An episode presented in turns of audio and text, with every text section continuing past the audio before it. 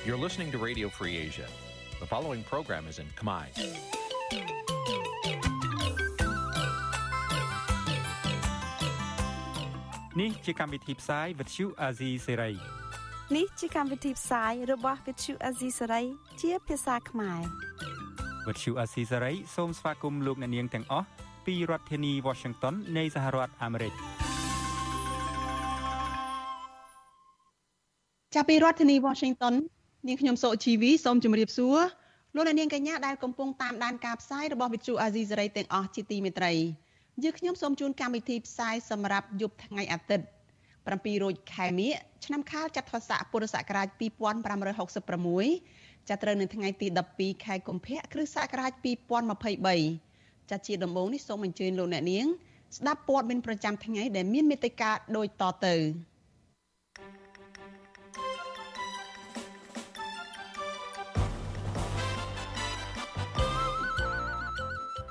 មសង្គមស៊ីវិលរិះគន់ថាលោកហ៊ុនសែនប្រមានបិទសារព័ត៌មាន VOD គឺបំពានច្បាប់សារព័ត៌មានព្រះមហាក្សត្រព្រះនរោត្តមសីហមុនីយាងទៅប្រទេសចិនដើម្បីពិនិត្យព្រះរាជសុខភាពពលរដ្ឋរិះគន់រដ្ឋាភិបាលថាមិនបានដោះស្រាយកង្វល់របស់ពួកគាត់ដោយការសន្យានៅមុនការបោះឆ្នោត។ សិករនៅខេត្តបាត់ដំបងត្អូញត្អែពីតម្លៃស្ពៃក្តោបចុះថោកលក់មិនបានប្រាក់ដោះស្រាយជីវភាពរួមនឹងព័ត៌មានសំខាន់សំខាន់មួយចំនួនទៀតចាស់ជាបន្តទៅទៀតនេះនាងខ្ញុំសុជីវីសូមជូនព័ត៌មានទាំងនេះពិស្ដាចលនានាងជាទីមេត្រីក្រុមអង្គការសង្គមស៊ីវិលលើកឡើងថាការគម្រាមកំហែងបិទសារព័ត៌មានសម្លេងប្រជាធិបតេយ្យ VOD ពីសំណាក់លោកយមត្រីហ៊ុនសែន គឺជាការធ្វើឡើងផ្ទុយពីច្បាប់ស្តីពីរបបសារព័ត៌មានពួកគេលើកឡើងដូចនេះបន្ទាប់ពីលោកហ៊ុនសែនដាក់កំហិតឲ្យសារព័ត៌មានសម្លេងប្រជាធិបតេយ្យ VOD នេះត្រូវសុំទោសរដ្ឋាភិបាលនិងកូនប្រុសច្បងរបស់លោកត្រឹម24ម៉ោងជុំវិញការផ្សាយព័ត៌មានកាលពីថ្ងៃទី9ខែកុម្ភៈថាលោកហ៊ុនម៉ាណែតបានចុះហត្ថលេខាផ្ដល់ប្រាក់ឧបត្ថម្ភដល់ប្រទេសទូគីជំនួសឪពុករបស់លោក។ ចាស់លោកអ្នកនាងនឹងបានស្ដាប់សេចក្តីរាយការណ៍នេះនៅក្នុងការផ្សាយរបស់យើងនៅពេលបន្តិចទៀតនេះចាស់ជាមួយគ្នានេះនាងខ្ញុំនឹងមានសម្ភារផ្ទាល់មួយចាស់ជាមួយនឹងអ្នកសិក្សាផ្នែកច្បាប់ចាដែលយើងនឹងអាចស្វែងយល់បន្ថែមតាក់ទងទៅនឹងផ្លូវច្បាប់ពីភាពចម្រូងចម្រាសនៃការគម្រាមបិទសារព័ត៌មាន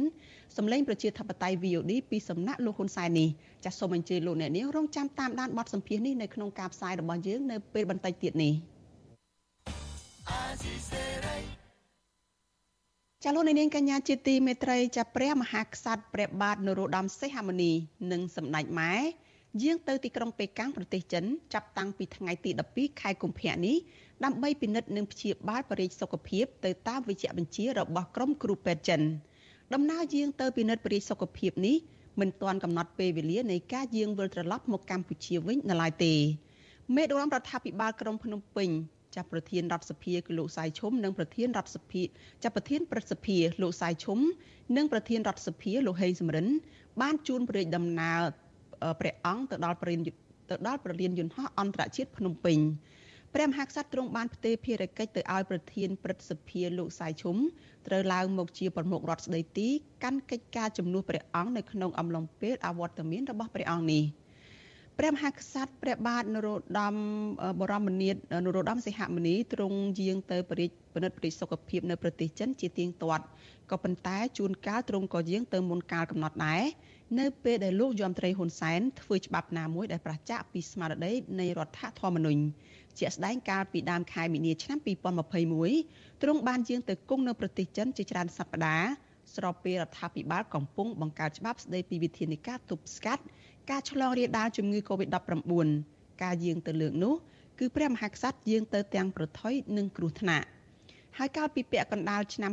2020ព្រះអង្គក៏យាងទៅទីក្រុងប៉េកាំងដែរខណៈដែលលោកហ៊ុនសែនចាប់ផ្ដើមធ្វើច្បាប់គ្រប់គ្រងប្រទេសនៅក្នុងភាពអាសន្នដែលអ្នកខ្លាំមើលយល់ថាច្បាប់នោះលោកហ៊ុនសែនទុកប្រើប្រាស់នៅក្នុងពេលផ្ទេរអំណាចទៅឲ្យកូនប្រុសច្បងរបស់លោកគឺលោកហ៊ុនម៉ាណែតនៅពេលខាងមុខ។ កម្មវិធី Vithu Azizi ស្រីសម្រាប់ទូរស័ព្ទដៃអាចឲ្យលោកអ្នកនាង អានអត្ថបទទស្សនាវីដេអូនិងស្ដាប់ការផ្សាយផ្ទាល់ដោយឥតគិតថ្លៃនិងដោយគ្មានការរំខាន។ដើម្បីអាននិងទស្សនាមេតិការថ្មីថ្មីពី Vithu Azisari លោកអ្នកនាងគ្រាន់តែចុចបាល់កម្មវិធីរបស់ Vithu Azisari ដែលបានដំឡើងរួចរាល់លើទូរស័ព្ទដៃរបស់លោកអ្នកនាង ប្រសិនបើលោកអ្នកនាងចង់ស្ដាប់ការផ្សាយផ្ទាល់ឬការផ្សាយចាស់ចាស់សូមចុចលើប៊ូតុងរូប Vithu ដែលស្ថិតនៅផ្នែកខាងក្រោមនៃកម្មវិធីជាការស្រេច។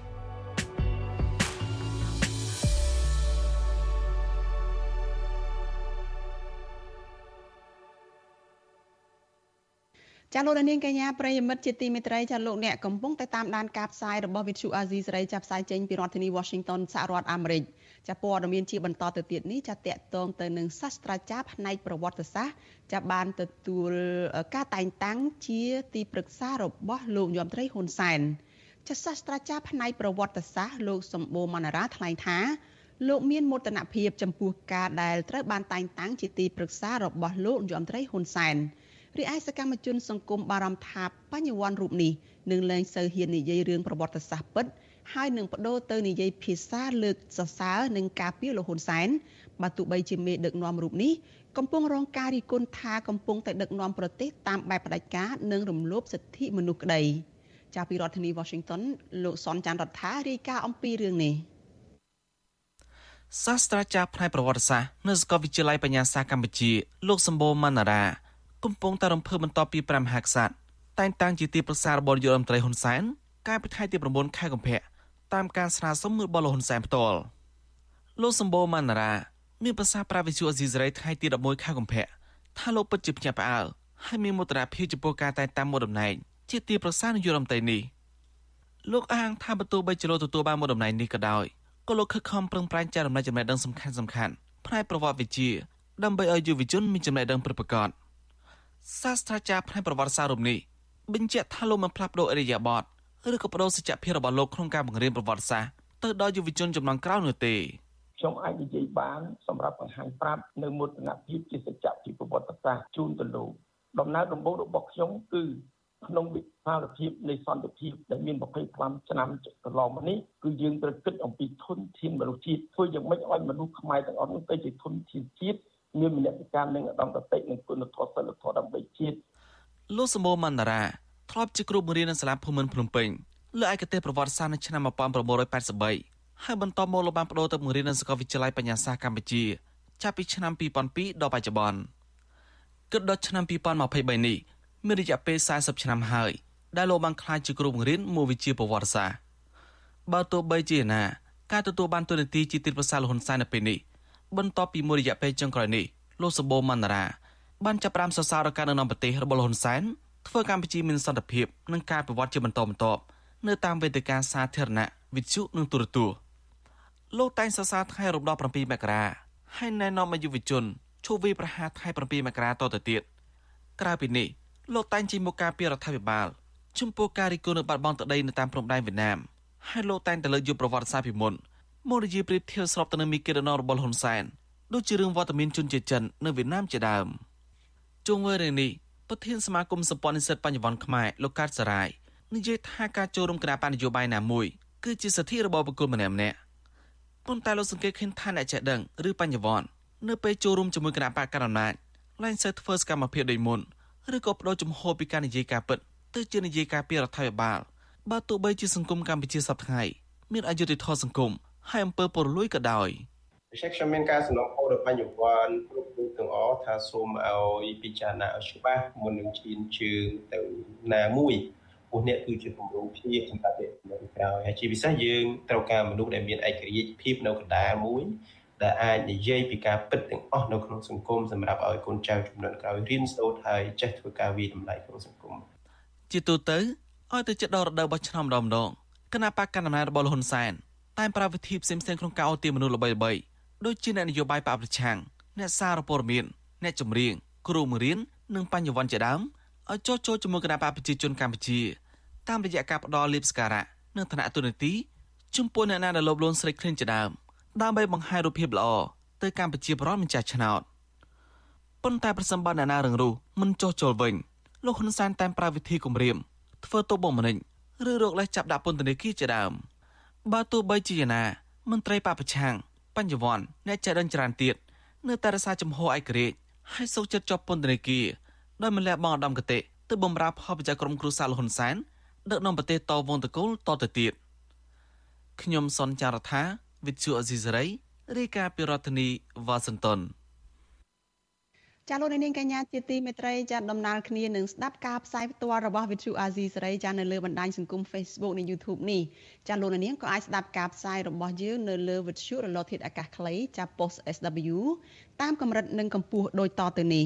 ចាប់ពេលព្រឹកចាប់ពីម៉ោង5កន្លះដល់ម៉ោង6កន្លះតាមរយៈរលកធាតុអាកាសខ្លីចា post SW 9.39 MHz ស្មើនឹងកម្ពស់ 32m និង post SW 11.85 MHz ចាស្មើនឹងកម្ពស់ 32m ចា post SW 10ចាប់ពេលយប់ចាប់ពីម៉ោង7កន្លះដល់ម៉ោង8កន្លះតាមរយៈ post SW 9.39 MHz ចាស្មើនឹងកម្ពស់ 32m post SW 11.88 MHz ស្មើនឹងកម្ពស់ 25m និង post SW 15.15 MHz ស្មើនឹងកម្ពស់ 20m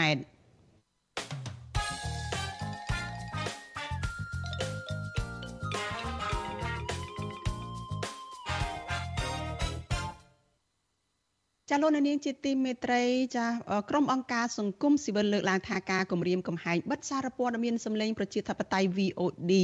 ចាប់ពីសំណាក់លោកយមត្រីហ៊ុនសែនគឺជាការធ្វើឡើងផ្ទុយពីច្បាប់ស្តីពីរបបសារព័ត៌មានពួកគេលើកឡើងដូចនេះបន្ទាប់ពីលោកហ៊ុនសែនដាក់កំហិតឲ្យសារព័ត៌មានសម្លេងប្រជាធិបតេយ្យ VOD សុំទោសរដ្ឋាភិបាលនិងសុំទោសកូនប្រុសច្បងរបស់លោកត្រឹមរយៈពេល24ម៉ោង ជុំវិញការផ្សាយព័ត៌មានកាលពីថ្ងៃទី9ខែកុម្ភៈដែលថាលោកហ៊ុនម៉ាណែតបានចុះហត្ថលេខាផ្ដល់ប្រាក់ឧបត្ថម្ភដល់ប្រទេសទូគីជំនួសឪពុករបស់លោកចាលោកនាងនៅបានស្ដាប់សេចក្តីរាយការណ៍នេះនៅក្នុងការផ្សាយរបស់យើងនៅពេលបន្តិចទៀតនេះចាជាមួយគ្នានេះនាងខ្ញុំនឹងមានសម្ភារផ្ទាល់មួយជាមួយនឹងអ្នកសិក្សាផ្នែកច្បាប់អំពីរឿងនេះចាសូមអញ្ជើញលោកនាងរងចាំតាមដានព័ត៌មាននេះនិងកិច្ចសម្ភារនេះនៅក្នុងការផ្សាយរបស់យើងនៅពេលបន្តិចទៀតនេះកុំបីខាន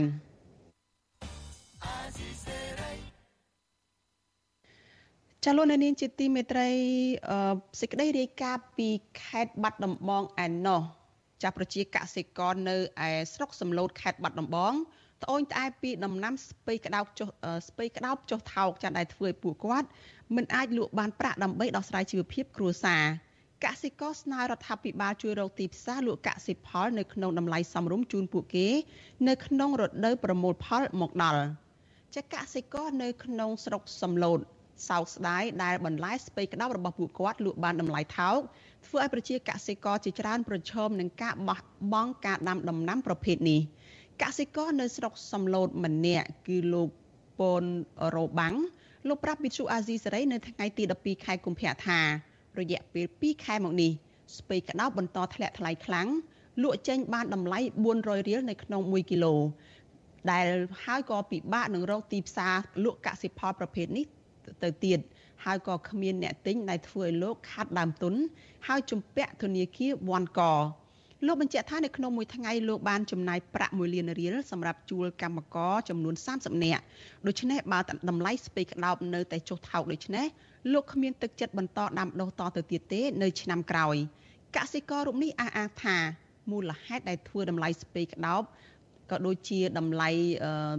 បន្លែនៅក្នុងស្រុកចុះថ្លៃនេះគឺដោយសារតែកម្ពុជានាំចូលបន្លែពីបរទេសជាពិសេសវៀតណាមនិងថៃច្រើនពេកដែលធ្វើឲ្យប៉ះពាល់ទៅដល់តម្លៃបន្លែនៅក្នុងស្រុក។ រដ្ឋាភិបាលហ្នឹងគឺគាត់អាចចងក្រងរបៀបណាមួយសម្រាប់គ្រប់គ្រងដីប្រភេទដាំដំណាំមួយណាដែលមិនឲ្យជន់ចង់និយាយថាគាត់អត់កំណត់ប្រជាជនឲ្យដាំយើងមិនត្រឹមប្រផុសទេយើងកំណត់ឲ្យដាំតែម្ដងបើសិនជាហ្នឹងយើងចង់ឲ្យទៅជោគជ័យយើងអាចកំណត់ឲ្យដាំតែម្ដងអ្នកឯងដាំត្រប់ត្រូវដាំត្រប់អ្នកឯងដាំពេលក្រោយត្រូវដាំពេលក្រោយទោះឡើងចុះយ៉ាងម៉េចក៏ដោយដាំទៅហ្នឹងគួរបដូរខ្លះយើងត្រូវបដូរខ្លះមានកម្មវិធីតែពេលគាត់រាល់ថ្ងៃនេះហើយអើហើយអើដល់ពេលគេផ្សាយគាត់បន្តថាអាចដាំចេះមើលថាពូខ្ញុំណាទៅមានព័ត៌មានដូចគាត់គាត់មិនដែលមកសួរថាអាចដាំនឹងបានដីប៉ុណ្ណាចាស់លោកពូនរបាំងដែលដាំស្ពៃក្តោបនោះគឺគាត់ដាំនៅលើផ្ទៃដីជាង10ហិកតានិងបានចំណាយប្រាក់ចន្លោះពី2000ទៅ3000ដុល្លារនៅក្នុង1ហិកតាហើយនៅតំបន់នោះមានចំនួនជិត100គ្រួសារដែលប្រកបរបរដាំស្ពៃក្តោបនេះពួកគាត់ប្រឈមនឹងខ្សែធនហើយនឹងគ្មានដើមទុនដាំដំណាំនេះតទៅទៀត ហើយប្រជាពលរដ្ឋខ្លះទៀតក៏ប្រឈមនឹងបាត់បង់ការងារធ្វើពីព្រោះគាត់គឺជាកម្មករស៊ីឈ្នួលដកស្ពៃចាឆ្លើយតបទៅនឹងបញ្ហានេះចាអនុប្រធានមន្ទីរកសិកម្មខេត្តបាត់ដំបងលោកអឹមសវណ្ណមនីមានប្រសាសន៍ថាកសិករគួរតែចេះជ្រើសរើសប្រភេទដំណាំ និងមើលពីតម្រូវការទីផ្សារនៅមុនពេលដាំដុះជៀសវាងការដាំបន្លែប្រភេទតែមួយចាធ្វើឲ្យពេលដែលប្រមូលផលព្រមគ្នានោះ ជាហេតុបណ្ដាលឲ្យតម្លៃស្ពៃក្តោបនោះចុះថោក ចាជានេះទៅទៀតលោកថាប្រសិនបើកសិកររកទីផ្សារនិងកំណត់កសិករគឺត្រូវតែរកទីផ្សារនិងកំណត់តម្លៃខ្លួនឯងទើបកសិផលនោះលក់បានតម្លៃខ្ពស់បន្ថែមពីនេះលោកលើកទឹកចិត្តឲ្យប្រជាកសិករខ្ចីប្រាក់ពីធនាគារអភិវឌ្ឍជនបទនិងកសិកម្មនិង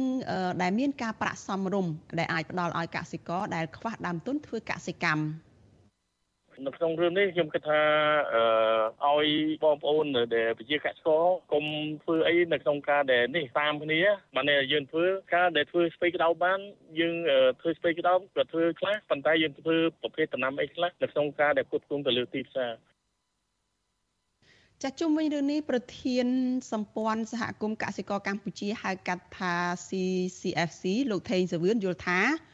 ក្រសួងកសិកម្មអសមត្ថភាពនៅក្នុងការដោះស្រាយបញ្ហាជូនប្រជាកសិករហើយបែរជាមកបន្ទោសកសិករដែលប្រមូលផលព្រមគ្នាទៅវិញលោកថាបញ្ហាដំណាំមិនអាចហាមឃាត់ឲ្យវាឈប់លូតលាស់បានទេនៅពេលដែលកសិករបានដាំដុះរួចទៅហើយ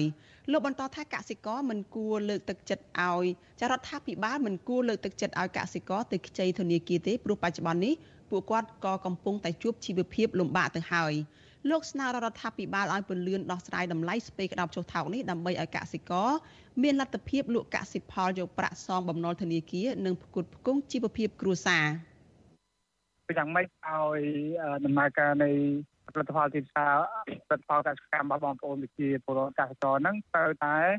មានទីផ្សារលក់សមរម្យហើយពិសេសគឺធ្វើឲ្យឲ្យមានការរៀបចំចែកចាយ ហើយគឺជារឿងសំខាន់មួយវិញទៀតក្នុងការចែកចាយនៅផលិតផលហ្នឹងក៏រឿងជារឿងសំខាន់ដែរចារបាយការណ៍របស់ក្រសួងកសិកម្មកាលពីចុងឆ្នាំ2022បង្ហាញថាកម្ពុជាបាននាំចូលបន្លែជិត3000តោននៅក្នុងមួយថ្ងៃមួយថ្ងៃដោយសារតែផលិតកម្មដំណាំបន្លែបន្លែនៅក្នុងស្រុកមានបញ្ហាប្រឈមជាច្រើនមិនអាចផ្គត់ផ្គង់តម្រូវការនៅក្នុងប្រទេសបានគ្រប់គ្រាន់ ក្រសួងថាការនាំបន្លែពីក្រៅប្រទេសដោយសារតែកម្ពុជាមានបញ្ហាបច្ចេកទេសដាំដុះសម្ភារៈកសិកម្មថ្លៃនិងគ្រោះធម្មជាតិទើបវិស័យឯកជនបាននាំចូលបន្លែពីក្រៅស្រុកបន្ថែមដើម្បីមកបំពេញតម្រូវការសង្គមស៊ីវិលនិងប្រជាពលរដ្ឋតែងលើកពីបញ្ហាកង្វះទីផ្សារមិនត្រឹមតែដំណាំស្ពៃក្តោបនោះទេមានដូចជាទីផ្សារត្រសក់ស្វាយទុរេនមៀននិងស្រូវជាដើមដែលគ្មានទីផ្សារលក់នៅក្នុងតម្លៃសមរម្យ ហើយពលរដ្ឋជួបទុក្ខលំបាកនៅក្នុងផ្នែកជីវភាពប្រចាំថ្ងៃរហូតពេលខ្លះមានអ្នកបោះបង់ការដាំដុះហើយនាំគ្នាធ្វើចំណាក់ស្រុកដើម្បីដោះស្រាយជីវភាព។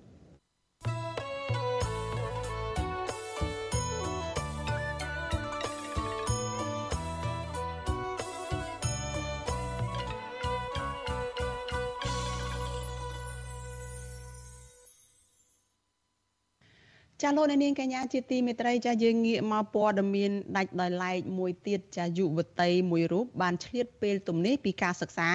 ដើម្បីដាក់សៀវភៅឲ្យសាធារណជនអានដោយឥតគិតថ្លៃនៅសួនច្បារសាធារណៈនៅក្នុងរាជធានីភ្នំពេញយុវតីរូបនេះគឺកញ្ញាឆែមស្រីគាហៅថាខ្លឹមសារនាងមានបំណងចង់ឲ្យពលរដ្ឋខ្មែរផុសផុលនៅក្នុងការអានសៀវភៅ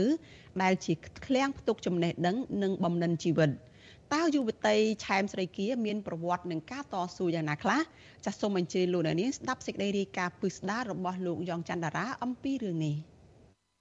ស្ទើរជារៀងរាល់ថ្ងៃសៅរ៍អាទិត្យយុវតីឆែមស្រីគាបានយកសៀវភៅទៅដាក់នៅសួនច្បារមុខវត្តបទុមទីដែលមនុស្សម្នានាំគ្នាទៅហាត់ប្រាណដើរកំសាន្តនិងជួបជុំគ្នាស្រីគាធ្វើបែបនេះមិនមែនដើម្បីចង់បានការកោតសរសើរឬក៏ស្វែងរកផលប្រយោជន៍អ្វីនោះទេ ក៏ប៉ុន្តែនេះគឺជាការដើរតាមក្តីស្រមៃរបស់នាងការដាក់សភៅនឹងខ្ញុំពុំមានបំណងអីផ្សេងក្រៅពីចង់ឲ្យយុវជនកុមារអំពុំមីងដែលគាត់ដើរកាត់នៅលើសួនហ្នឹងគាត់បានឃើញពីទស្សនវិជ្ជាល្អល្អនិងបានចាប់កាន់អាសភៅបើទោះបីមិនបានច្រើនក៏បានមួយទំព័រពីរទំព័របីទំព័រឲ្យទៅតាមលទ្ធភាពដែលគាត់មានពេលចំណាយហ្នឹងមើលពីខាងក្រៅស្រីគាជាមនុស្សរឹងមាំមោះមុតនិងតស៊ូព្យាយាម ក៏ប៉ុន្តែទម្រាំដើរមកដល់ចំណុចនេះនាងបានហែលឆ្លងរឿងរ៉ាវដ៏ច្រើននៅក្នុងជីវិត នាងធ្លាប់ត្រូវបានគេប៉ុនប៉ងធ្វើបាបត្រូវគេមាក់ងាយនិងត្រូវបានគេវាយបំបាក់ទឹកចិត្តយ៉ាងដំណំក៏ប៉ុន្តែចំណុចខ្លាំងរបស់នាង គឺការជំនះភាពក្រីក្រ ដើម្បីបន្តការសិក្សា និងការសម្រេចឲ្យបាន នៅបំណងប្រាថ្នារបស់ខ្លួនយុវតីឆែមស្រីគៀមានអាយុ20ឆ្នាំនិងមានស្រុកកំណើតនៅខេត្តបៃលិននាងមានបងប្អូនបង្កើតចំនួន5នាក់ ប្រុស3នាក់និងស្រី2នាក់ហើយនាងគឺជាកូនពៅឪពុករបស់នាងមានអាយុ63ឆ្នាំនិងមានមុខរបរជាអ្នកជិះម៉ូតូដើរលក់នំប៉័ងម្ដាយរបស់នាងវិញមានអាយុ59ឆ្នាំនិងជាស្ត្រីមេផ្ទះដោយសារតែជីវភាពក្រីក្រ បងបងរបស់ស្រីគាភិកច្រើនមិនបានរៀនខ្ពស់នោះទេ គឺបានត្រឹមតែថ្នាក់បឋមសិក្សាបច្ចុប្បន្ននេះពួកគាត់មានគ្រួសាររៀងរៀងខ្លួនអស់ហើយក៏ប៉ុន្តែជីវភាពនៅតែលំបាក នៅក្នុងនោះមានអ្នកខ្លះទៅធ្វើការនៅប្រទេសថៃនិងខ្លះទៀតស៊ីឈ្នួលធ្វើការឲ្យគេនៅក្នុងខេត្តបៃលិនស្រីគារំលឹកថាដោយសារតែជីវភាពក្រីក្រ នាងត្រូវចំណាយពេលជិត1ម៉ោងស្ទើរជារៀងរាល់ថ្ងៃដើម្បីដើរទៅសាលា ដែលមានចម្ងាយប្រមាណ5គីឡូម៉ែត្រពីផ្ទះរបស់នាង ការដើរទៅរៀននេះមិនមែនរយៈពេលមួយសប្តាហ៍មួយខែ ឬក៏មួយឆ្នាំនោះទេក៏ប៉ុន្តែគឺប្រមាណ10ឆ្នាំ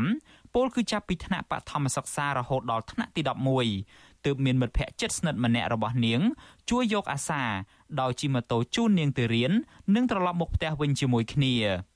មកដល់ត្រឹមនេះស្រីគៀអួលដើមកនិយាយឡើងចេញ ពីព្រោះនាងនឹកឃើញដល់អតីតកាលដ៏រន្ធត់មួយ កាលនៅជាកុមារីរៀនថ្នាក់ទី7មានពេលមួយ នាងបានដើរពីសាលារៀនត្រឡប់ទៅផ្ទះវិញតែម្នាក់ឯងហើយក៏បានជួបជាមួយនឹងបុរសម្នាក់ ដែលមានបំណងមិនល្អលើរូបនាងមុនដំបូងនឹងខ្ញុំគិតថាគាត់គ្រាន់តែ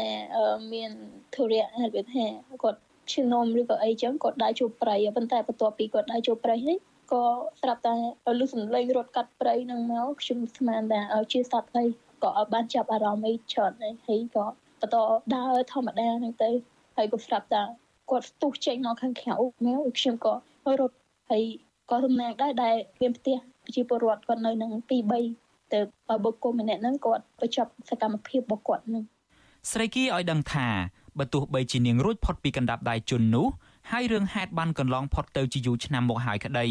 ក៏ហេតុការណ៍នោះនៅតែដិតដាមនៅក្នុងអារម្មណ៍របស់នាងជានិច្ចតកតងទៅនឹងការសិក្សាវិញយុវតីឆែមស្រីគៀ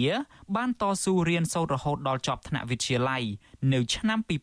2021ដោយប្រឡងជាប់និទេសដេ ក៏ប៉ុន្តែនាងទៅតែបានចូលរៀនមហាវិទ្យាល័យនៅចុងឆ្នាំ2022ថ្មីថ្មីនេះទេ ដោយសារតែគ្មានលទ្ធភាព តាមការពិតគ្រួសាររបស់ស្រីគៀក៏គ្មានលទ្ធភាពឲ្យនាងបន្តការសិក្សានៅថ្នាក់មហាវិទ្យាល័យនោះដែរក៏ប៉ុន្តែនាងជំនះឡើងមករៀននៅភ្នំពេញដោយខ្លួនឯងឪពុកម្ដាយរបស់ស្រីគៀបានផ្ដល់លុយចំនួន20ម៉ឺនរៀលនៅពេលដែលនាងសម្រេចចិត្តឡើងមកភ្នំពេញស្រីគៀបញ្ជាក់ថា នាងអាចស្នាក់នៅ និងបន្តការសិក្សានៅភ្នំពេញបាន គឺដោយសារតែស្នាក់នៅជាមួយអ្នកដែលស្គាល់គ្នា ដែលគេមិនគិតលុយទឹកភ្លើងនិងម្ហូបអាហារពីនាងឡើយម្យ៉ាងវិញទៀតនាងឆ្លៀតពេលពីការសិក្សា ដើម្បីដឹកអីវ៉ាន់ឲ្យគេ បានប្រាក់បន្តិចបន្តួចដោយសារតែការដឹកអីវ៉ាន់នឹងវាអត់បានច្រើនប្រហែលនៃក្នុងមួយខែខ្ញុំចំណាយអស់ត្រឹម20ម៉ឺនរៀលដោយសារតែបើលើសពីហ្នឹងក៏អត់មានចាយដែរបងចាយទាំងអត្ថបទបៀតពេលខ្លះវាអស់ មុនខែអញ្ចឹងទៅជាដើមហើយពិបាកមែនតើដោយសារតែហើយចំណាយទៅដាក់សភៅនៅស្ទួនផងអីផងចម្ងាយនោះ15គីឡូហើយពេលហ្នឹងប្រហែលជា1ម៉ោងទៅទៅដល់កន្លែងដាក់យុវតីឆែមស្រីគៀកំពុងសិក្សាថ្នាក់បរិញ្ញាបត្រអក្សរសាស្ត្រខ្មែរដោយតម្រង់ឆ្ពោះទៅរកអាជីពជាអ្នកនិពន្ធនាងមានចំណូលចិត្តនៅក្នុងការអាននិងតែងនិពន្ធទាំងពាក្យកាព្យនិងពាក្យរាយស្រីគៀចូលចិត្តសរសេរអត្ថបទបែបលើកទឹកចិត្ត និងបញ្ហាផ្សេងផ្សេងនៅក្នុងសង្គមបង្ហោះនៅលើទំព័រ Facebook ទំព័រ Facebook របស់ស្រីគៀដាក់ឈ្មោះថាខ្លឹមសារមានអ្នកតាមដានឬក៏ follow ចំនួន22000គណនីពាក្យថាខ្លឹមសារនេះតាមការពិតគឺជាឈ្មោះដែលស្រីគៀដាក់ឲ្យខ្លួនឯងដើម្បីក្រើនរំលឹកខ្លួនឯងថាជីវិតគឺជាការតស៊ូហើយការតស៊ូនោះឯងគឺជាខ្លឹមសារនៃជីវិតទោះបីជាមានការលំបាកឬក៏បាក់ទឹកចិត្ត ឬក៏ទទួលសម្ពាធអីពីមជ្ឈដ្ឋានខាងក្រៅក៏នៅតែតស៊ូព្យាយាមព្រោះយើងគឺខ្លឹមសារយើងអាចបោះបង់ទៅងាយងាយបានទេសមាជិកក្រុមយុវជនខ្មែរថាវរៈលោកស្រីឈឿនដារាវី ថ្លែងថា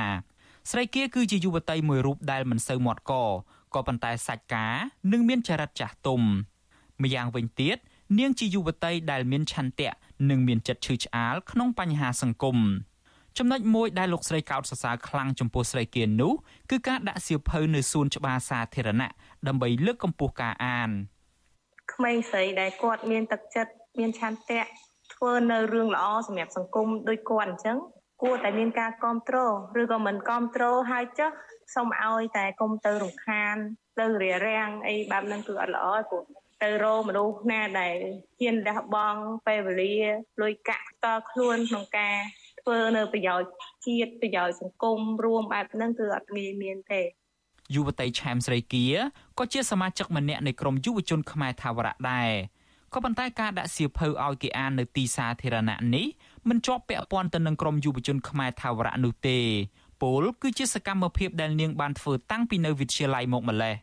ស្រីគៀបានចាប់ផ្ដើមការងារនេះកាលពីឆ្នាំ2020ហើយនាងបានបន្តធ្វើវារហូតមកដល់សពថ្ងៃ នាងបានឆ្លៀតពេលពីការសិក្សាដើម្បីដាក់សៀវភៅឲ្យគេអានដោយឥតគិតថ្លៃនៅសួនច្បារមុខវត្តបទុមជារៀងរាល់ថ្ងៃសៅរ៍អាទិត្យចាប់ពីម៉ោង5ល្ងាចដល់ម៉ោង7យប់ជាមធ្យមមានមនុស្សប្រមាណ50នាក់ទាំងចាស់ទាំងក្មេងអង្គុយអានសៀវភៅទាំងនោះ ហើយការអាន ប្រើពេលតិចឬក៏ច្រើន អាស្រ័យទៅតាមពេលវេលារបស់ពួកគាត់រៀងៗខ្លួនសៀវភៅដែលស្រីគៀដាក់ឲ្យគេអាននោះ មានច្រើនប្រភេទដូចជាប្រវត្តិសាស្ត្រទស្សនវិជ្ជាអក្សរសិល្ប៍ ប្រឡោមលោកព្រេងកថានិងសៀវភៅលើកទឹកចិត្តជាដើមសៀវភៅទាំងនោះខ្លះជាសៀវភៅផ្ទាល់ខ្លួនរបស់ស្រីគៀនិងខ្លះទៀតបានមកពីការបរិច្ចាគរបស់អ្នកនិពន្ធនិងសប្បុរសជនយុវតីឆែមស្រីគីឲ្យដឹងថាបេសកកម្មជីវិតមួយនេះរបស់នាងក៏ជួបបញ្ហាមួយចំនួនដែរសកម្មភាពដាក់សភៅនឹងមួយចំនួនគាត់មិនត្រឹមតែអត់ចាប់អារម្មណ៍ទេគាត់ថែមទាំង បំបាក់ទឹកចិត្តយើងមើលងាយយើងឯបែបហ្នឹងថាយើងធ្វើបែបហ្នឹងគឺជាការចូលព្រោះគេគាត់ថានៅទីសាធារណៈបែបហ្នឹងមិនគួរយកសភៅទៅតាំងទេព្រោះវាជាកន្លែងកំសាន្តឯការអានសភៅកំណត់របស់ពួកគាត់រៀងអកតេតិចធ្ងន់ធ្ងរជាងនេះទៅទៀតនោះថ្មីថ្មីនេះអាញាធរបានចោះទៅហាមឃាត់មិនឲ្យនាង ដាក់សៀវភៅនៅសួនច្បារមុខវត្តបទុមនោះទេ ការហាមឃាត់នេះបានកើតឡើងចំនួន2លើករួចមកហើយហើយអាញាធរ មិនដែលពន្យល់ហេតុផលច្បាស់លាស់ឡើយខណៈច្បាប់មិនបានហាមឃាត់សកម្មភាពទាំងនេះទេកញ្ញាឆែមស្រីគាថ្លែងថាទង្វើរបស់អាញាធរនិងការមាក់ងាយពីមជ្ឈដ្ឋានមួយចំនួននេះបានប៉ះពាល់ទៅដល់ផ្លូវចិត្តរបស់នាងជាខ្លាំងក៏ប៉ុន្តែក្នុងពេលជាមួយគ្នានាងក៏ទទួលបាននូវការលើកទឹកចិត្តពីប្រជាពលរដ្ឋមួយចំនួននិងអ្នកប្រើប្រាស់បណ្ដាញសង្គម Facebook ផងដែរ ដោយសារតែខ្ញុំគឺជាអ្នកសរសេរមួយរូបដែរនៅតាមបណ្ដាញសង្គមហើយក៏មានអ្នកស្គាល់ខ្ញុំច្រើនហើយដែរអញ្ចឹងទៅពួកគាត់មួយចំនួនធំឆ្លាញ់ការសរសេររបស់ខ្ញុំហើយនៅពេលដែលខ្ញុំធ្វើសកម្មភាពនៅភ្នំពេញក៏មានការចូលរួមជាមួយពួកគាត់ផងដែរហើយកម្លាំងចិត្តក៏ដូចជាទឹកចិត្តរបស់ខ្ញុំបានមកពីអ្នកអានអ្នកអានមួយចំនួនធំហើយក៏បានមកពីការ support ពីអ្នកផ្ទះមកថាយើងធ្វើចឹងត្រូវហើយបន្តធ្វើទៀតទៅវាអត់មានអីជាបញ្ហាទេ យុវតីឆែមស្រីគៀលើកទឹកចិត្តដល់សាធារណជន ជាពិសេសយុវជនឲ្យងាកមកចាប់អារម្មណ៍ការអានសៀវភៅដើម្បីបង្កើនចំណេះដឹងនិងជំនាញរបស់ខ្លួនទន្ទឹមគ្នានេះកញ្ញាក៏ស្នើដល់អាជ្ញាធរឲ្យបើកលំហសិទ្ធិសេរីភាពដល់នាងនៅក្នុងការដាក់តាំងសៀវភៅនៅសួនច្បារសាធារណៈនោះឲ្យបានដូចពីមុនឡើងវិញខ្ញុំយ៉ងច័ន្ទដារាវិទ្យុអាស៊ីសេរី Washington ចាលោកនាងកញ្ញាជាទីមេត្រីចាក្រមអង្គការសង្គមស៊ីវិលលើកឡើងថាការគម្រាមកំហែងឬក៏បិទសារព័ត៌មានសម្លេងប្រជាធិបតេយ្យ VOD ពីសំណាក់លោកហ៊ុនសែននេះគឺជាទង្វើដែលផ្ទុយពីច្បាប់ស្តីពីរបបសារព័ត៌មានពួកគេលើកឡើងដូចនេះចាដោយនៅមុននេះបន្តិចចាយើងបានទទួលព័ត៌មានពី Facebook របស់លោកហ៊ុនសែនថាលោកសម្រេចប្រកាសបិទជាផ្លូវការចាសារព័ត៌មានសម្លេងប្រជាធិបតេយ្យ VOD ចាត្រឹមម៉ោង10 ថ្ងៃទី13ខែកុម្ភៈស្អែកនេះចាគឺនៅតែជាង10ម៉ោងទៀតប៉ុណ្ណោះចាការព្យាយាមបិទសារព័ត៌មានសម្លេងប្រជាតៃ VD នេះចាគឺបន្ទាប់ពីសារព័ត៌មាននេះបានចេញផ្សាយអត្ថបទសារព័ត៌មានមួយចានៅថ្ងៃទី9ខែកុម្ភៈដែលថាលោកហ៊ុនម៉ាណែតនឹងបានចុះហត្ថលេខាជំនួសលោកហ៊ុនសែននៅក្នុងការផ្ដល់ជំនួយទៅឲ្យប្រទេសទូគីចាពីរដ្ឋធានី Washington លោកមានរិទ្ធរាយការណ៍អំពីរឿងនេះ ក្រុមអង្គការសង្គមស៊ីវិលលើកឡើងដោយដូចគ្នាថាបបែកតាមច្បាប់ស្តីពីរបបសារព័ត៌មានសារព័ត៌មានសម្លេងប្រជាធិបតេយ្យ VOD គ្រាន់តែកែតម្រូវអត្ថបទឲ្យបានផ្សាយខុសតែប៉ុណ្ណោះក្នុងករណីផ្សាយព័ត៌មានមិនបានត្រឹមត្រូវនាយកប្រតិបត្តិសមាគមសម្ព័ន្ធអ្នកសារព័ត៌មានកម្ពុជា ឬកម្ពុជាលោក Novi ចាត់ទុកការដាក់កំហិតឲ្យសារព័ត៌មាន VOD ត្រូវតែសំទោសក្នុងរយៈពេល24ម៉ោងដើម្បីបញ្ជាការដកហូតអាជ្ញាប័ណ្ណចេញពីបញ្ជីក្រសួងព័ត៌មាននោះគឺជាការរឹតបន្តឹងសេរីភាពសារព័ត៌មានលោកបានថែមថាសារព័ត៌មាន VOD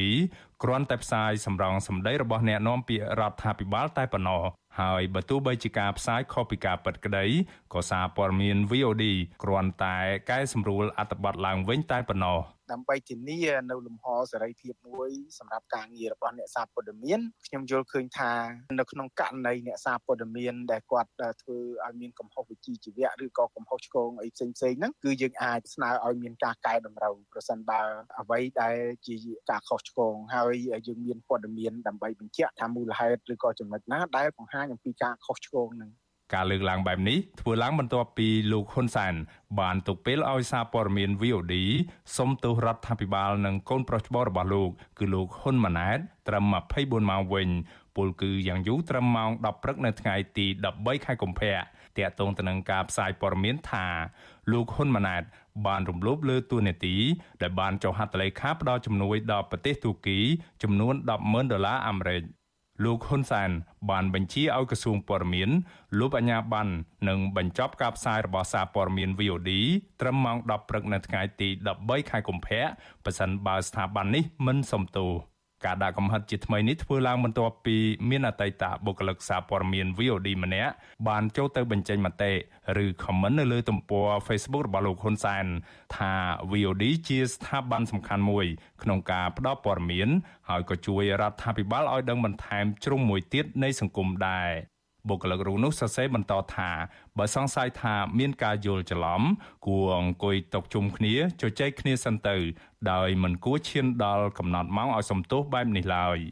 ជុំវិញរឿងនេះអ្នកនាំពាក្យសមាគមការពារសិទ្ធិមនុស្សអាត6លោកសឹងសានករណាយល់ឃើញថាការដាក់កំហិតពេលវេលាឲ្យសំទោស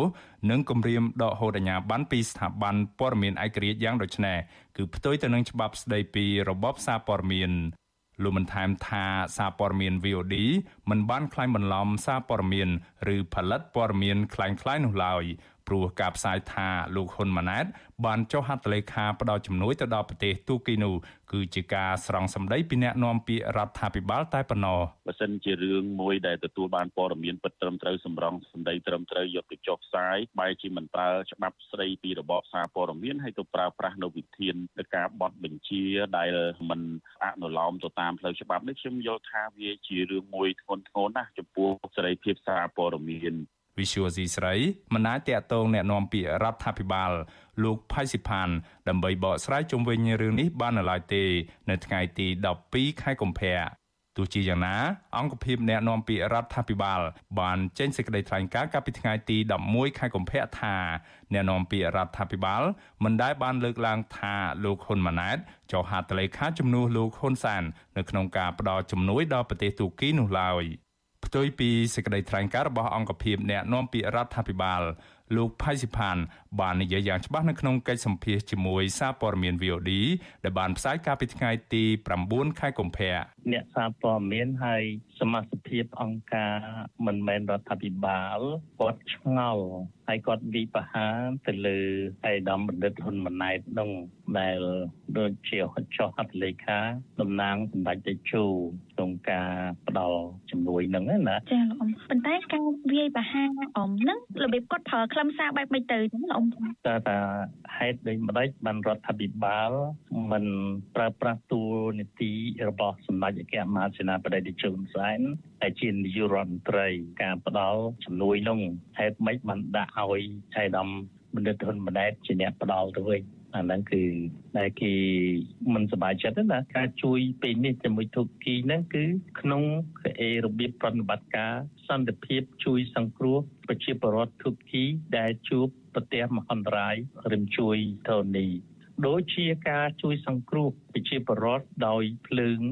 បាក់អាគារបាក់អីនឹងជាក្រុមរបស់អាយដាមហ៊ុនម៉ាណែតដែរដែលចេញទៅទៅប្រតិបត្តិការនោះទោះជាយ៉ាងណាសារព័ត៌មាន VOD បានដកចេញអត្ថបទដែលមានចំណងជើងថា មន្ត្រីរដ្ឋាភិបាល ថាការដែលលោកហ៊ុនម៉ាណែតដើរតួនាទីជំនួសឪពុកក្នុងការផ្ដល់ជំនួយឲ្យទូគី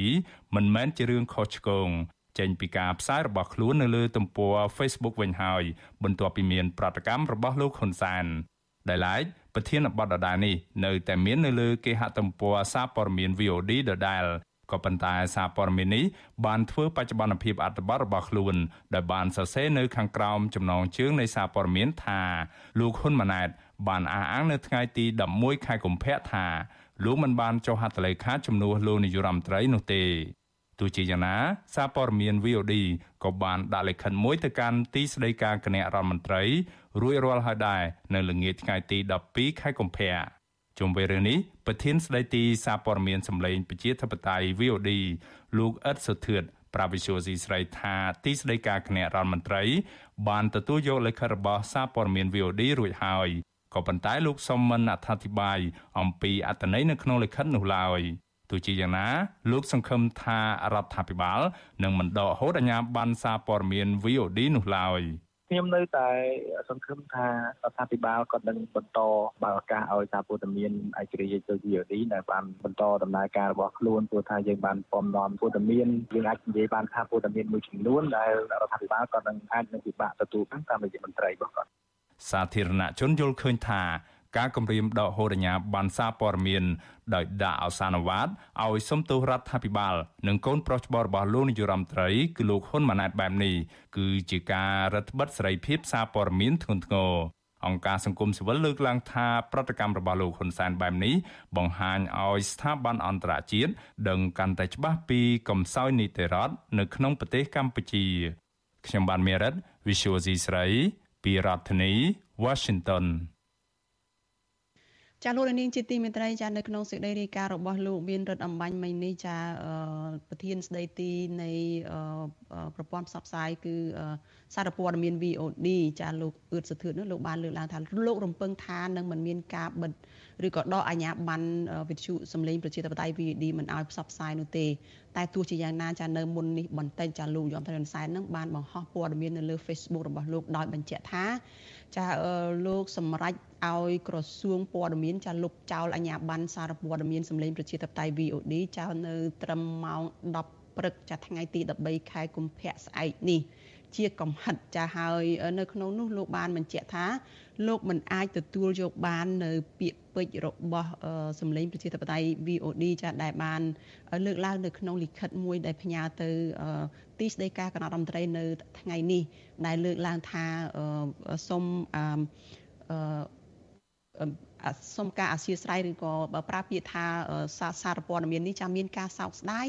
និងសូមអធិស្ឋានជំនួសពាក្យសុំទោសចាហើយគឺលោកហ៊ុនសែនមិនអាចទទួលយកពាក្យនេះបានទេចាជាមួយគ្នានេះដែរចាលោកហ៊ុនសែនចាត់ទុកលិខិតរបស់សម្លេងប្រជាធិបតេយ្យ VNE ដែលផ្ញើទៅកាន់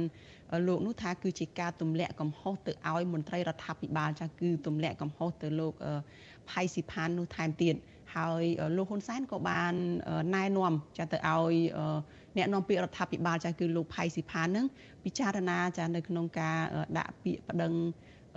ស្ថាប័ន VOD នេះទៅតុលាការថែមទៀតផងចាតកតនៅរឿងនេះចាក្រុមការងាររបស់មិត្តជូអាស៊ីសេរីចាំបានភ្ជាប់ប្រព័ន្ធវីដេអូ Skype ចាទៅលោកវ៉ាន់ចាន់ឡូតចាដែលលោកជាអ្នកសិក្សាផ្នែកច្បាប់ចាដែលយើងនឹងជជែកពិភាក្សាបន្ថែមទៀតតកតងទៅនឹងភាពចម្រុងចម្រាស់នៅក្នុងការ បិទសារព័ត៌មាន VOD ដែលជាបញ្ជាដាច់អហង្ការរបស់លោកហ៊ុនសែននៅមុននេះបន្តិចនេះចាជំរាបសួរលោកវ៉ាន់ចាន់ឡូតពីចម្ងាយចាបាទជំរាបសួរអ្នកស្រីសុជីវីបាទចាលោកវ៉ាន់ចាន់ឡូតចាតកតនឹងផ្លូវច្បាប់ក្រមអង្គការសង្គមស៊ីវិលដែលតាមដានអឺស្ថានភាពនយោបាយស្ថានភាពសិទ្ធិមនុស្សនៅកម្ពុជានឹងបានលើកឡើងហើយថា ការដែលបិទស្ថាប័នសារព័ត៌មាន VOD ដោយសារតែស្ថាប័ននេះបានផ្សាយព័ត៌មានដែលប៉ះពាល់ទៅដល់កូនលោកញោមត្រីហ៊ុនសែនគឺលោកហ៊ុនម៉ាណែតនេះគឺជាការដែលធ្វើប្រឆាចពីច្បាប់ស្តីពីរបបសារព័ត៌មានចាតើលោក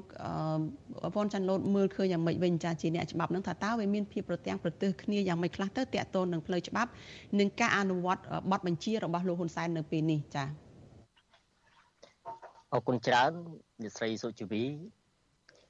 យើងឃើញថារយៈពេលដ៏ខ្លីមួយអឺ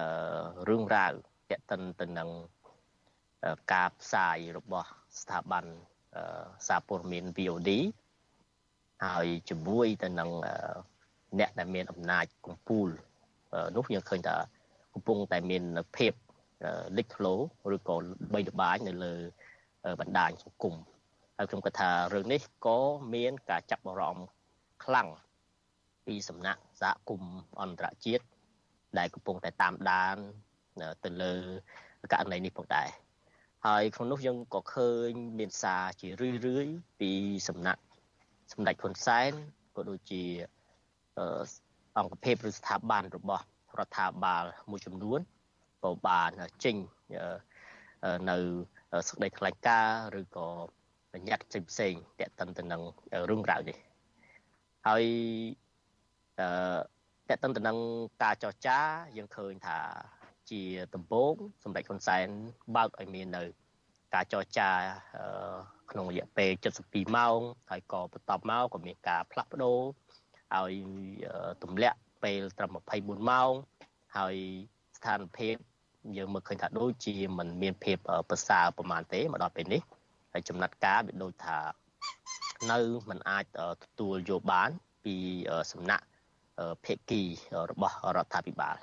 ចឹងនៅក្នុងរឿងនេះខ្ញុំគាត់សម្គាល់ឃើញនៅរឿង3រឿងទី1តេតិនទៅនឹងកំហុសវិជ្ជាជីវៈនៅក្នុងលើពិភពលោកសារព័ត៌មានល្បីៗលើពិភពលោកអឺក៏ធ្លាប់មានដែរកំហុសវិជ្ជាជីវៈហ្នឹង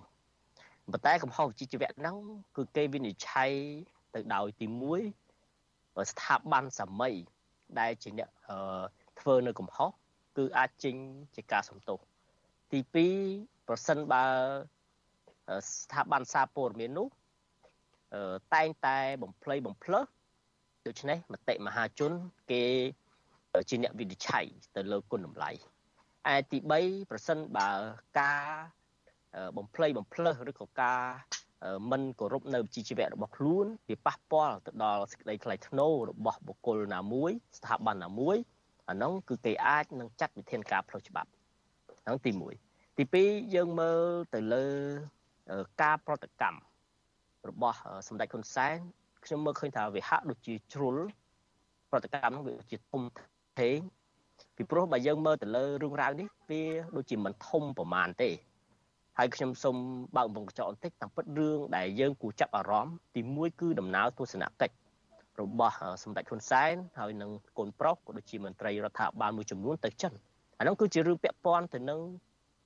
ជាតិតែម្ដងបាទទី2គឺយើងក៏ឃើញថាស្ថិតនៅក្នុងរយៈពេលនៃការសមាជរបស់គណៈបកភ្លើងទៀនដែលមានអ្នកចូលរួមច្រើនពាន់អ្នកអាចនិយាយថាដល់10000អ្នកអញ្ចឹងក៏វាពាក់ព័ន្ធទៅនឹងស្ថានភាពនយោបាយនៅក្នុងស្រុកអឺ ដែលយើងមើលឃើញថារឿងពីរហ្នឹងវាគឺជារឿងដែលពាក់ព័ន្ធទៅនឹងរឿងជាតិបាទរឿងធំធំហើយរឿងអឺ VOD ផ្សាយខុសគឺយើងខ្ញុំគិតថាវាគ្រាន់តែក្នុងកម្រិតមួយ រវាង អង្គភាពមួយ ហើយនឹងបុគ្គលមួយអឺតែប៉ុណ្្នឹងឯងវាដូចជាមិនធំធេងវាដូចជាមិនប៉ះពាល់ទៅដល់សន្តិសុខជាតិឬក៏អំណាចឬក៏អីខ្ញុំមើលឃើញវាដូចជាអត់ប៉ះពាល់ទេ ប៉ុន្តែបែរជាត្រូវបាន ខាងរដ្ឋាភិបាលចាត់រឿងហ្នឹងវាទៅជារឿងអតិភិបហើយចេញប្រតិកម្មដែលយើងមើលឃើញមានលក្ខណៈហួសហេតុហើយក្នុងនោះផងដែរក៏មាននៅ ការជេរប្រមាថពីសំណាក់អ្នកព័ត៌មានផ្សេងផ្សេងដែលស្និទ្ធទៅនឹងរដ្ឋាភិបាលប្រើប្រាស់ពាក្យអសុរោះអសិលធម៌ប្រមាថដែលអឺដែលយើងហៅ มันអាចទទួលយកបាននោះបាទប៉ុន្តែបែរជាគ្មានឃើញឲ្យចំណាត់ការហ្នឹងទី2ទី3ខ្ញុំមើលឃើញមួយទៀតតេតិនទៅនឹងអសានិវត្តអសានិវត្តរបស់សម្ដេចហ៊ុនសែនអឺបូកជាមួយនឹងអឺកាក់ដាក់សម្ពាធអសានិវត្តគឺរយៈពេលកំណត់ដើម្បីឲ្យការសំទោសហើយបើសិនជាមិនមានការសំទោសគឺនឹងត្រូវលុបអាជ្ញាប័ណ្ណអញ្ចឹងយើងឃើញថាអសានិវត្តបូកជាមួយនឹងសម្ពាធវាទៅជារូបភាពមួយនៃការគម្រាមកំហែង ទៅវិញបាទកន្លែងនោះប៉ុន្តែមកដល់ពេលនេះយើងឃើញថាស្ថានភាពនេះវាដូចជាមិនថមថយទេហើយខ្ញុំគិតថាយើងក៏កំពុងតែតាមដានបន្តទៅលើករណីនេះផងដែរបាទចាតកតងទៅនឹងអ្វីដែលលោកលោកបនច័ន្ទលូតលើកឡើងនឹងថារឿងជាតិសំខាន់សំខាន់នឹងត្រូវបង្វែរឲ្យមកចាប់អារម្មណ៍ពីរឿង កំហុសតូចមួយរបស់សារព័ត៌មាន VOD នេះវិញចាហើយអ្វីដែលលោកហ៊ុនសែនបានលើកឡើងនៅក្នុង Facebook របស់លោកនៅមុននេះបន្តិចហ្នឹងគឺប្រហែលជាប្រហែលនាទីមុននេះគឺលោកបានបញ្ជាក់យ៉ាងដូចនេះគឺថាអ្វីដែលដែលលោកមិនអាចអត់ឱនឲ្យបានហ្នឹងគឺដោយសារតែសារព័ត៌មាន VOD ហ្នឹងបានផ្ញើលិខិតទៅទីស្តីការគណៈរដ្ឋមន្ត្រីដែលសម្ដៅផ្ញើទៅឲ្យលោកហ្នឹង គឺបានបញ្ចេញ clear ដែលមិនទទួលកំហុសគឺលើកឡើងថាសារបស្ថាប័ន VOD នឹងសោកស្ដាយហើយសូមអធិស្ឋានប្រសិនបើមានកំហុសដោយអចេតនាណាមួយដែលកើតឡើងនៅក្នុងពេលដែលអ្នកយកព័ត៌មានរបស់ VOD នឹងរាយការណ៍តាក់ទងទៅនឹងរដ្ឋាភិបាលផ្ដល់ជំនួយទៅឲ្យប្រទេសទូគីនៅពេលដែលប្រទេសនេះជួបគ្រោះមហន្តរាយដោយសារតែរំជួយដីអីហ្នឹង ត្រង់ចំណុចនេះគឺលោកមិនអាចទទួលយកបានទេដែលមិនមែនជាការសុំទោសពិតប្រាកដគឺគ្រាន់តែជាការសោកស្ដាយហើយសុំការអធិស្ឋានមួយវិញទៀតហ្នឹងលោកហ៊ុនសែនបានលើកឡើងថាកន្លងមកហ្នឹង រយៈពេល44ឆ្នាំមកហើយនឹងលោកបានដឹងហើយពីរឿងការផ្សព្វផ្សាយព័ត៌មានការវិយតម្លៃការវិភាគអីរបស់ភ្ញៀវឬក៏អ្នកចូលមកបញ្ចេញមតិយោបល់នៅក្នុងស្ថាប័នព័ត៌មាននឹងគឺតែងតែរិះគន់វាយប្រហារទៅលើរូបលោកផង ហើយឥឡូវនេះឈានមកដល់វាយប្រហារទៅលើកូនប្រុសរបស់លោកគឺលោកហ៊ុនម៉ាណែតចាដែលយើងដឹងគ្រប់គ្នាហើយថាគឺជាបេក្ខជននាយករដ្ឋមន្ត្រីអនាគតរបស់គណៈបកកណ្ដាលអំណាចនឹង ដូច្នេះលោកថាលោកមិនអាចទទួលយកបាននឹងគឺដោយសារតែលោកហ៊ុនម៉ាណែតមិនបានដឹងរឿងអីសោះដូច្នេះមានន័យថាมันអាចប៉ះបានទេបើសិនជាមានព័ត៌មានអីប៉ះពាល់ទៅដល់លោកហ៊ុនម៉ាណែតហ្នឹងបើទោះបីជាខូចជាកំហុសតូចតាចឬក៏ជាការភ័ន្តច្រឡំឬការយល់ច្រឡំអីយ៉ាងណាក៏ដោយគឺมันអាចប៉ះពាល់បានទេតើត្រង់ចំណុចនេះវិញលោកចាន់ឡូតមើលឃើញយ៉ាងម៉េច វាជារឿងជាតិដែរទេនៅពេលដែលលោកហ៊ុនសែនបានបញ្ជាក់ថារឿងនេះគឺប៉ះពាល់ដល់មុខរដ្ឋាភិបាលប៉ះពាល់ទៅដល់មុខមាត់កូនប្រុសរបស់លោកនឹងវាអាចថាជារឿងដែលធំជាងរឿងទៅចិនរឿងគោលនយោបាយគណៈបពប្រឆាំងអីអស់នឹងដែរទេចា៎អឺក្នុងចំណុចនេះយើងក៏គួរពិចារណាទៅនឹងពាក្យសម្ដីរបស់អាយដាមផៃស៊ីផាន ដែលបានលើកឡើងនៅក្នុងបទសម្ភាសហ្នឹងបាទអញ្ចឹង ការលើកឡើងក៏ហាក់ដូចជា មានការទទួលស្គាល់ដែរ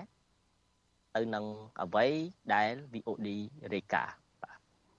អញ្ចឹងត្រឡប់មកវិញខ្ញុំមើលឃើញនៅពីរចំណុចទី1សារព័ត៌មានវាមានច្បាប់ស្ដីពីរបបសារយើងមិនតាន់មានច្បាប់ទេប៉ុន្តែ អង្គភាពមួយគេចុះបញ្ជីឬក៏អីទាំងអស់គេមាននីតិវិធីផ្លូវច្បាប់គេ អញ្ចឹងនៅពេលដែលអង្គភាពមួយអាចប្រតិបត្តិការបានវាគួរណាស់តែអនុលោមទៅតាមច្បាប់ស្ដីពីអង្គការសមាគមឬក៏ស្ថិតនៅក្នុងរបៀបវិរៈនៃអឺក្រសួងដែលពាក់ព័ន្ធនឹងវិស័យសារព័ត៌មានដែលជាអ្នកធ្វើការទៅលើរឿងហ្នឹងដែលជាអ្នកវិនិច្ឆ័យហើយខាងរដ្ឋាភិបាលក៏មានអ្នកជំនាញនៅក្នុងការវិនិច្ឆ័យទៅលើរឿងហ្នឹងដែរថារឿងហ្នឹងវាស្ថិតនៅក្នុងទំហំនៃការខូចខាតប៉ុណ្ណាវាគួរតែ ឆ្លើយតបឬក៏សម្រុះសម្រួលក៏កែតម្រូវគ្នាក្នុងកម្រិតណាពីព្រោះខ្ញុំគិតថានៅពេលដែលយើង ប្រើប្រាស់នៅរូបភាពនៃការចេញវិធានការហើយវិធានការនោះគឺហាក់ដូចជាមិនមាននៅការសិក្សាស្វែងយល់អំពីផលប៉ះពាល់មកលើខ្លួនខ្ញុំគិតថាអាហ្នឹងវាទៅជារឿងមួយផ្សេងហើយយើងឡើងនិយាយអំពីច្បាប់ទម្លាប់យើង ឡើងយកនៅអឺអឺគេហៅថាគុណធម៌ឬគុណតម្លៃក្នុងនាមជាអ្នកដឹកនាំដែលពីព្រោះអ្នកដឹកនាំប្រទេសចង់មិនចង់វាត្រូវហើយតែមានការរិះគន់ខ្លះបាទចង់មិនចង់ពេលខ្លះក៏វាមានហើយការលើកឡើងដែលអាចខុសពីការពិតប៉ុន្តែបើមាសសុតពាក្យថាមាសសុតមិនខ្លាចភ្លើងនោះខ្ញុំគិតថាអាហ្នឹងក៏ជាគុណតម្លៃមួយដែលអ្នកដឹកនាំគួរតែយកមកពិចារណាហ្នឹងទី1ពាក់ព័ន្ធទៅនឹង ផ្នែកច្បាប់ ទី2យើងមើលឃើញថាមកដល់ពេលនេះប្រហែលជា VOD ជាសារព័ត៌មានឯករាជ្យមួយចុងក្រោយគេដែលមានវត្តមាននៅក្នុងប្រទេសហើយដែលកំពុងតែធ្វើការយ៉ាងសកម្មនៅក្នុងការផ្សាយព័ត៌មានពិតអំពីតតិភាពសង្គមហើយជាពិសេសគឺគៀកនៃការបោះឆ្នោតអឺអាណត្តិទី7នេះផងយើងឃើញថាបពប្រឆាំង អឺដែលមានដែលកំពុងតែធ្វើសកម្មភាពនៅក្នុងស្រុកអឺក៏ត្រូវការសារព័ត៌មានឯករាជ្យដូច VOD ដែរនៅក្នុងការជួយប្រម៉ូទទៅនឹងសកម្មភាពខ្លួនផង ជួយប្រម៉ូទទៅនឹងគោលនយោបាយរបស់ខ្លួនផងហើយយើងត្រូវទទួលស្គាល់ថាកន្លងមកសារព័ត៌មានគឺរួមចំណែកច្រើនណាស់នៅក្នុងការលើកកម្ពស់លទ្ធិវិជាធិបតេយ្យលើកកម្ពស់សិលធម៌សង្គមក៏ដូចជារួមចំណែក នៅក្នុងការអឺអឺលើកឡើងអំពីការពិតនៃអ្នកនយោបាយឬក៏បកនយោបាយដើម្បីឲ្យប្រជាពលរដ្ឋធ្វើការវិនិច្ឆ័យពីមួយអាណត្តិទៅមួយអាណត្តិនោះបាទចាលោកវ៉ាន់ចាន់ឡូតអឺមិនខុសពីលោកវ៉ាន់ចាន់ឡូតទេចាអ្នកប្រិយមិត្តអ្នកស្ដាប់របស់វិទ្យុអាស៊ីសេរីចាដែលកំពុងតែតាមដានការផ្សាយរបស់យើងនៅលើបណ្ដាញសង្គម Facebook និង YouTube នៅពេលនេះនឹងចាគាត់បានបញ្ចេញមតិ ហោហែបន្តបន្ទាប់មកថាសារព័ត៌មាន VOD នេះចាគឺជាសារព័ត៌មានឯករាជ្យចុងក្រោយមួយ ដែលបានបោះទីតាំងនៅកម្ពុជាបាន ចាបន្ទាប់ពីមានការរំលាយស្ថាប័នឯករាជ្យសារព័ត៌មានឯករាជ្យជាបន្តបន្ទាប់នៅក្នុងឆ្នាំ2017នៅមុនការបោះឆ្នោតឆ្នាំ2018កន្លងមកនេះ ហើយសារព័ត៌មាន VOD នេះចាយើងបើសិនជាយើងជាអ្នកដែលតាមដានព័ត៌មាននោះគឺយើងអាចមើលឃើញថាស្ថាប័ននេះចាបានទម្លាយព័ត៌មានជាច្រើនចាតាក់ទងទៅនឹងរឿងក្តៅក្តៅហើយជារឿងដែលរសើបដែលគ្មានស្ថាប័ននៅក្នុងស្រុកណាផ្សព្វផ្សាយទេក្នុងនោះយើងក៏បានដឹងថាតាក់ទងទៅនឹងរឿងរ៉ាវ បទល្មើសអីផ្សេងផ្សេងការបំពានច្បាប់ផ្សេងផ្សេងនៅក្រុងប្រសេះអនុនេះគឺ VOD បានផ្សាយរឿងច្រើនណាស់តាក់ទងនឹងរឿងនេះហើយ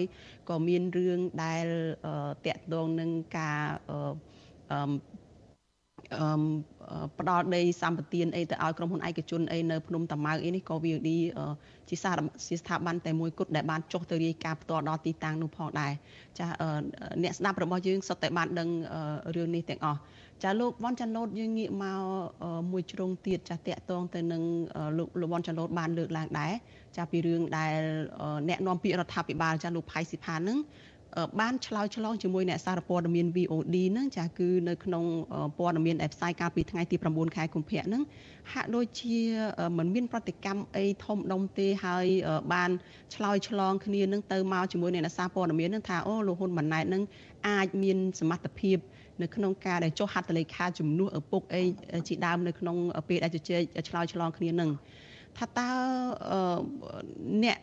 មន្ត្រីរដ្ឋាភិបាលនឹងគួរតែមានការទទួលខុសត្រូវអីយ៉ាងម៉េចទេនៅពាក្យសម្ដីរបស់ខ្លួនដែលនិយាយជាមួយអ្នកសារព័ត៌មានហើយបានប្រែក្លាយទៅជារឿងរ៉ាវមកដល់ពេលនេះលោកហ៊ុនសែនថែមទាំងជំរុញឲ្យលោកផៃសិផាននឹងប្តឹងសារព័ត៌មាន VOD ទៅទៀតនឹងចា៎អឺដូចខ្ញុំបានលើកឡើងពីដំបូងអញ្ចឹងពាក្យពេច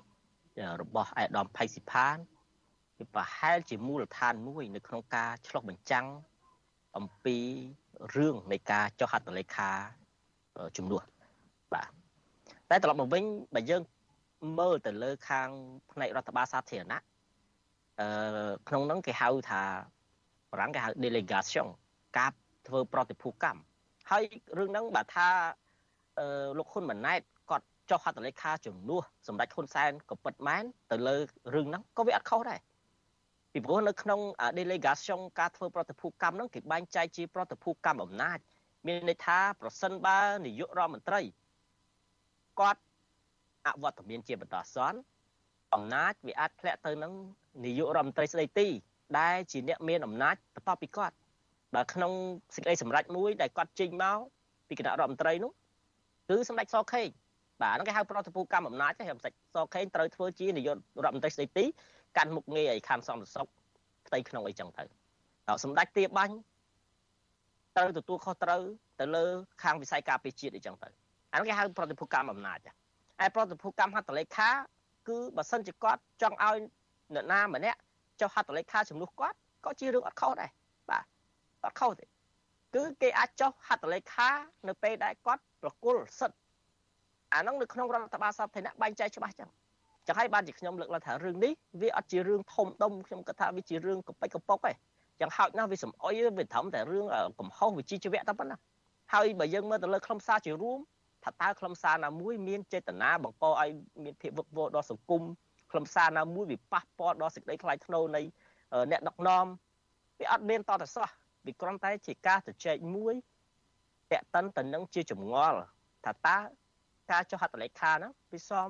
វាឆ្កំឆ្គងឬក៏វាសមទំនោរតែដូចខ្ញុំលើកឡើងបើយើងគិតទៅលើក្នុងផ្នែករដ្ឋបាលសាធារណៈវាអត់វាអត់ខុសវាអត់ឆ្កំឆ្គងទេហើយបើថាជាចុះម៉ែនហើយបើថាមានការប្រគល់ប្រតិភូកម្មហត្ថលេខាចឹងបែបជារឿងត្រឹមត្រូវហើយកន្លងមកយើងឃើញថាលោកហ៊ុនម៉ាណែតនោះគឺថាបានធ្វើជាតំណាងរបស់សម្ដេចហ៊ុនសែនចូលរួមនៅក្នុងវេទិកាឬក៏ជួបអ្នកមុខអ្នកការកកោកនោះកន្លងមកនោះដូចជាគ្មានរឿងអីដែលត្រូវ ចម្លែកទេនៅនៅក្នុងហ្នឹងបាទតែដូចខ្ញុំបានលើកឡើងចឹងវាប្រហែលជាគៀកបោះឆ្នោតហើយ VOD ក៏ជាស្ថាប័នសារព័ត៌មានឯករាជ្យមួយដែលកំពុងតែ មានការទទួលស្គាល់ហើយកំពុងតែសកម្មនៅក្នុងស្រុកដែលផ្សព្វផ្សាយព័ត៌មានពិតអំពីសង្គមនោះហើយមួយវិញទៀតយើងឃើញថាកន្លងមករឿងធំធំដូចជារឿងភ្នំតាម៉ៅ ក៏ VOD រួមចំណែកច្រើននៅក្នុងការធ្វើព័ត៌មានបែបស៊ើបអង្កេតបាទហើយករណីថ្មីថ្មីចុងក្រោយនេះគឺតេតិនទៅនឹងការធ្វើរបងឆ្នេររំលោភទៅលើដីទ្រព្យសម្បត្តិសាធារណៈរបស់ជាតិនោះក៏មានការរួមចំណែកពី VOD ដែលធ្វើព័ត៌មានបែបស៊ើបអង្កេតដើម្បីឲ្យពលរដ្ឋបានយល់ហើយឈានទៅដល់ការកំទេចចោលនៅរបងទាំងអស់ហ្នឹងបាទអញ្ចឹងយើងឃើញថាតែពិតព័ត៌មាន VOD គួរណាស់តែមានការ លើកទឹកចិត្តពីសំណាក់រដ្ឋាភិបាលហើយគួរតែជំរុញឲ្យធ្វើកិច្ចការនឹងឲ្យបានច្រើនទៅទៀតពីព្រោះវាប្រយោជន៍ជាតិហើយអ្វីដែលរដ្ឋាភិបាលដូចដែលខាង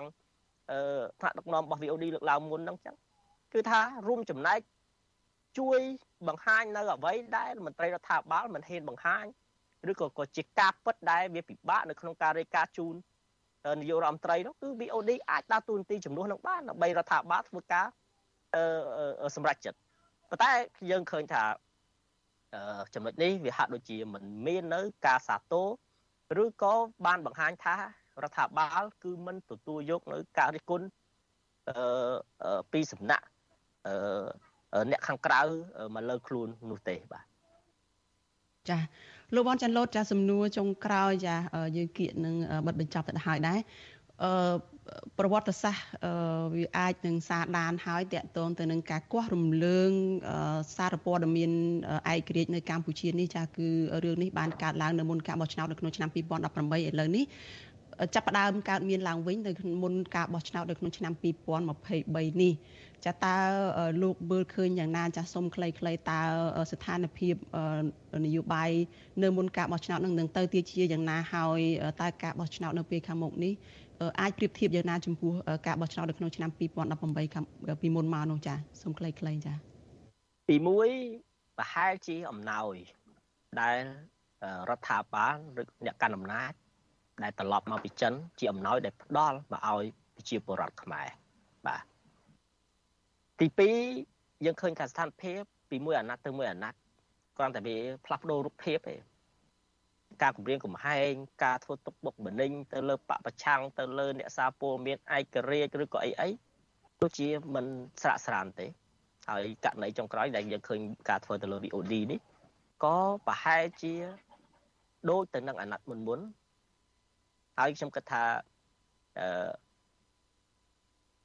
តេតិនទៅនឹងសេរីភាពនៃសារព័ត៌មាននេះនៅកម្ពុជានេះក៏ប្រហែលជានឹងត្រូវទទួលរងនឹងការរិះគន់ឬក៏តេះទៀនកាន់តែខ្លាំងពីសំណាក់ប្រទេសសេរីដែលជាអ្នកផ្ដល់ប្រយោជន៍សេដ្ឋកិច្ចមកកម្ពុជាហ្នឹងឯទី3ចង់មិនចង់បើគិតទៅលើផ្នែកនយោបាយ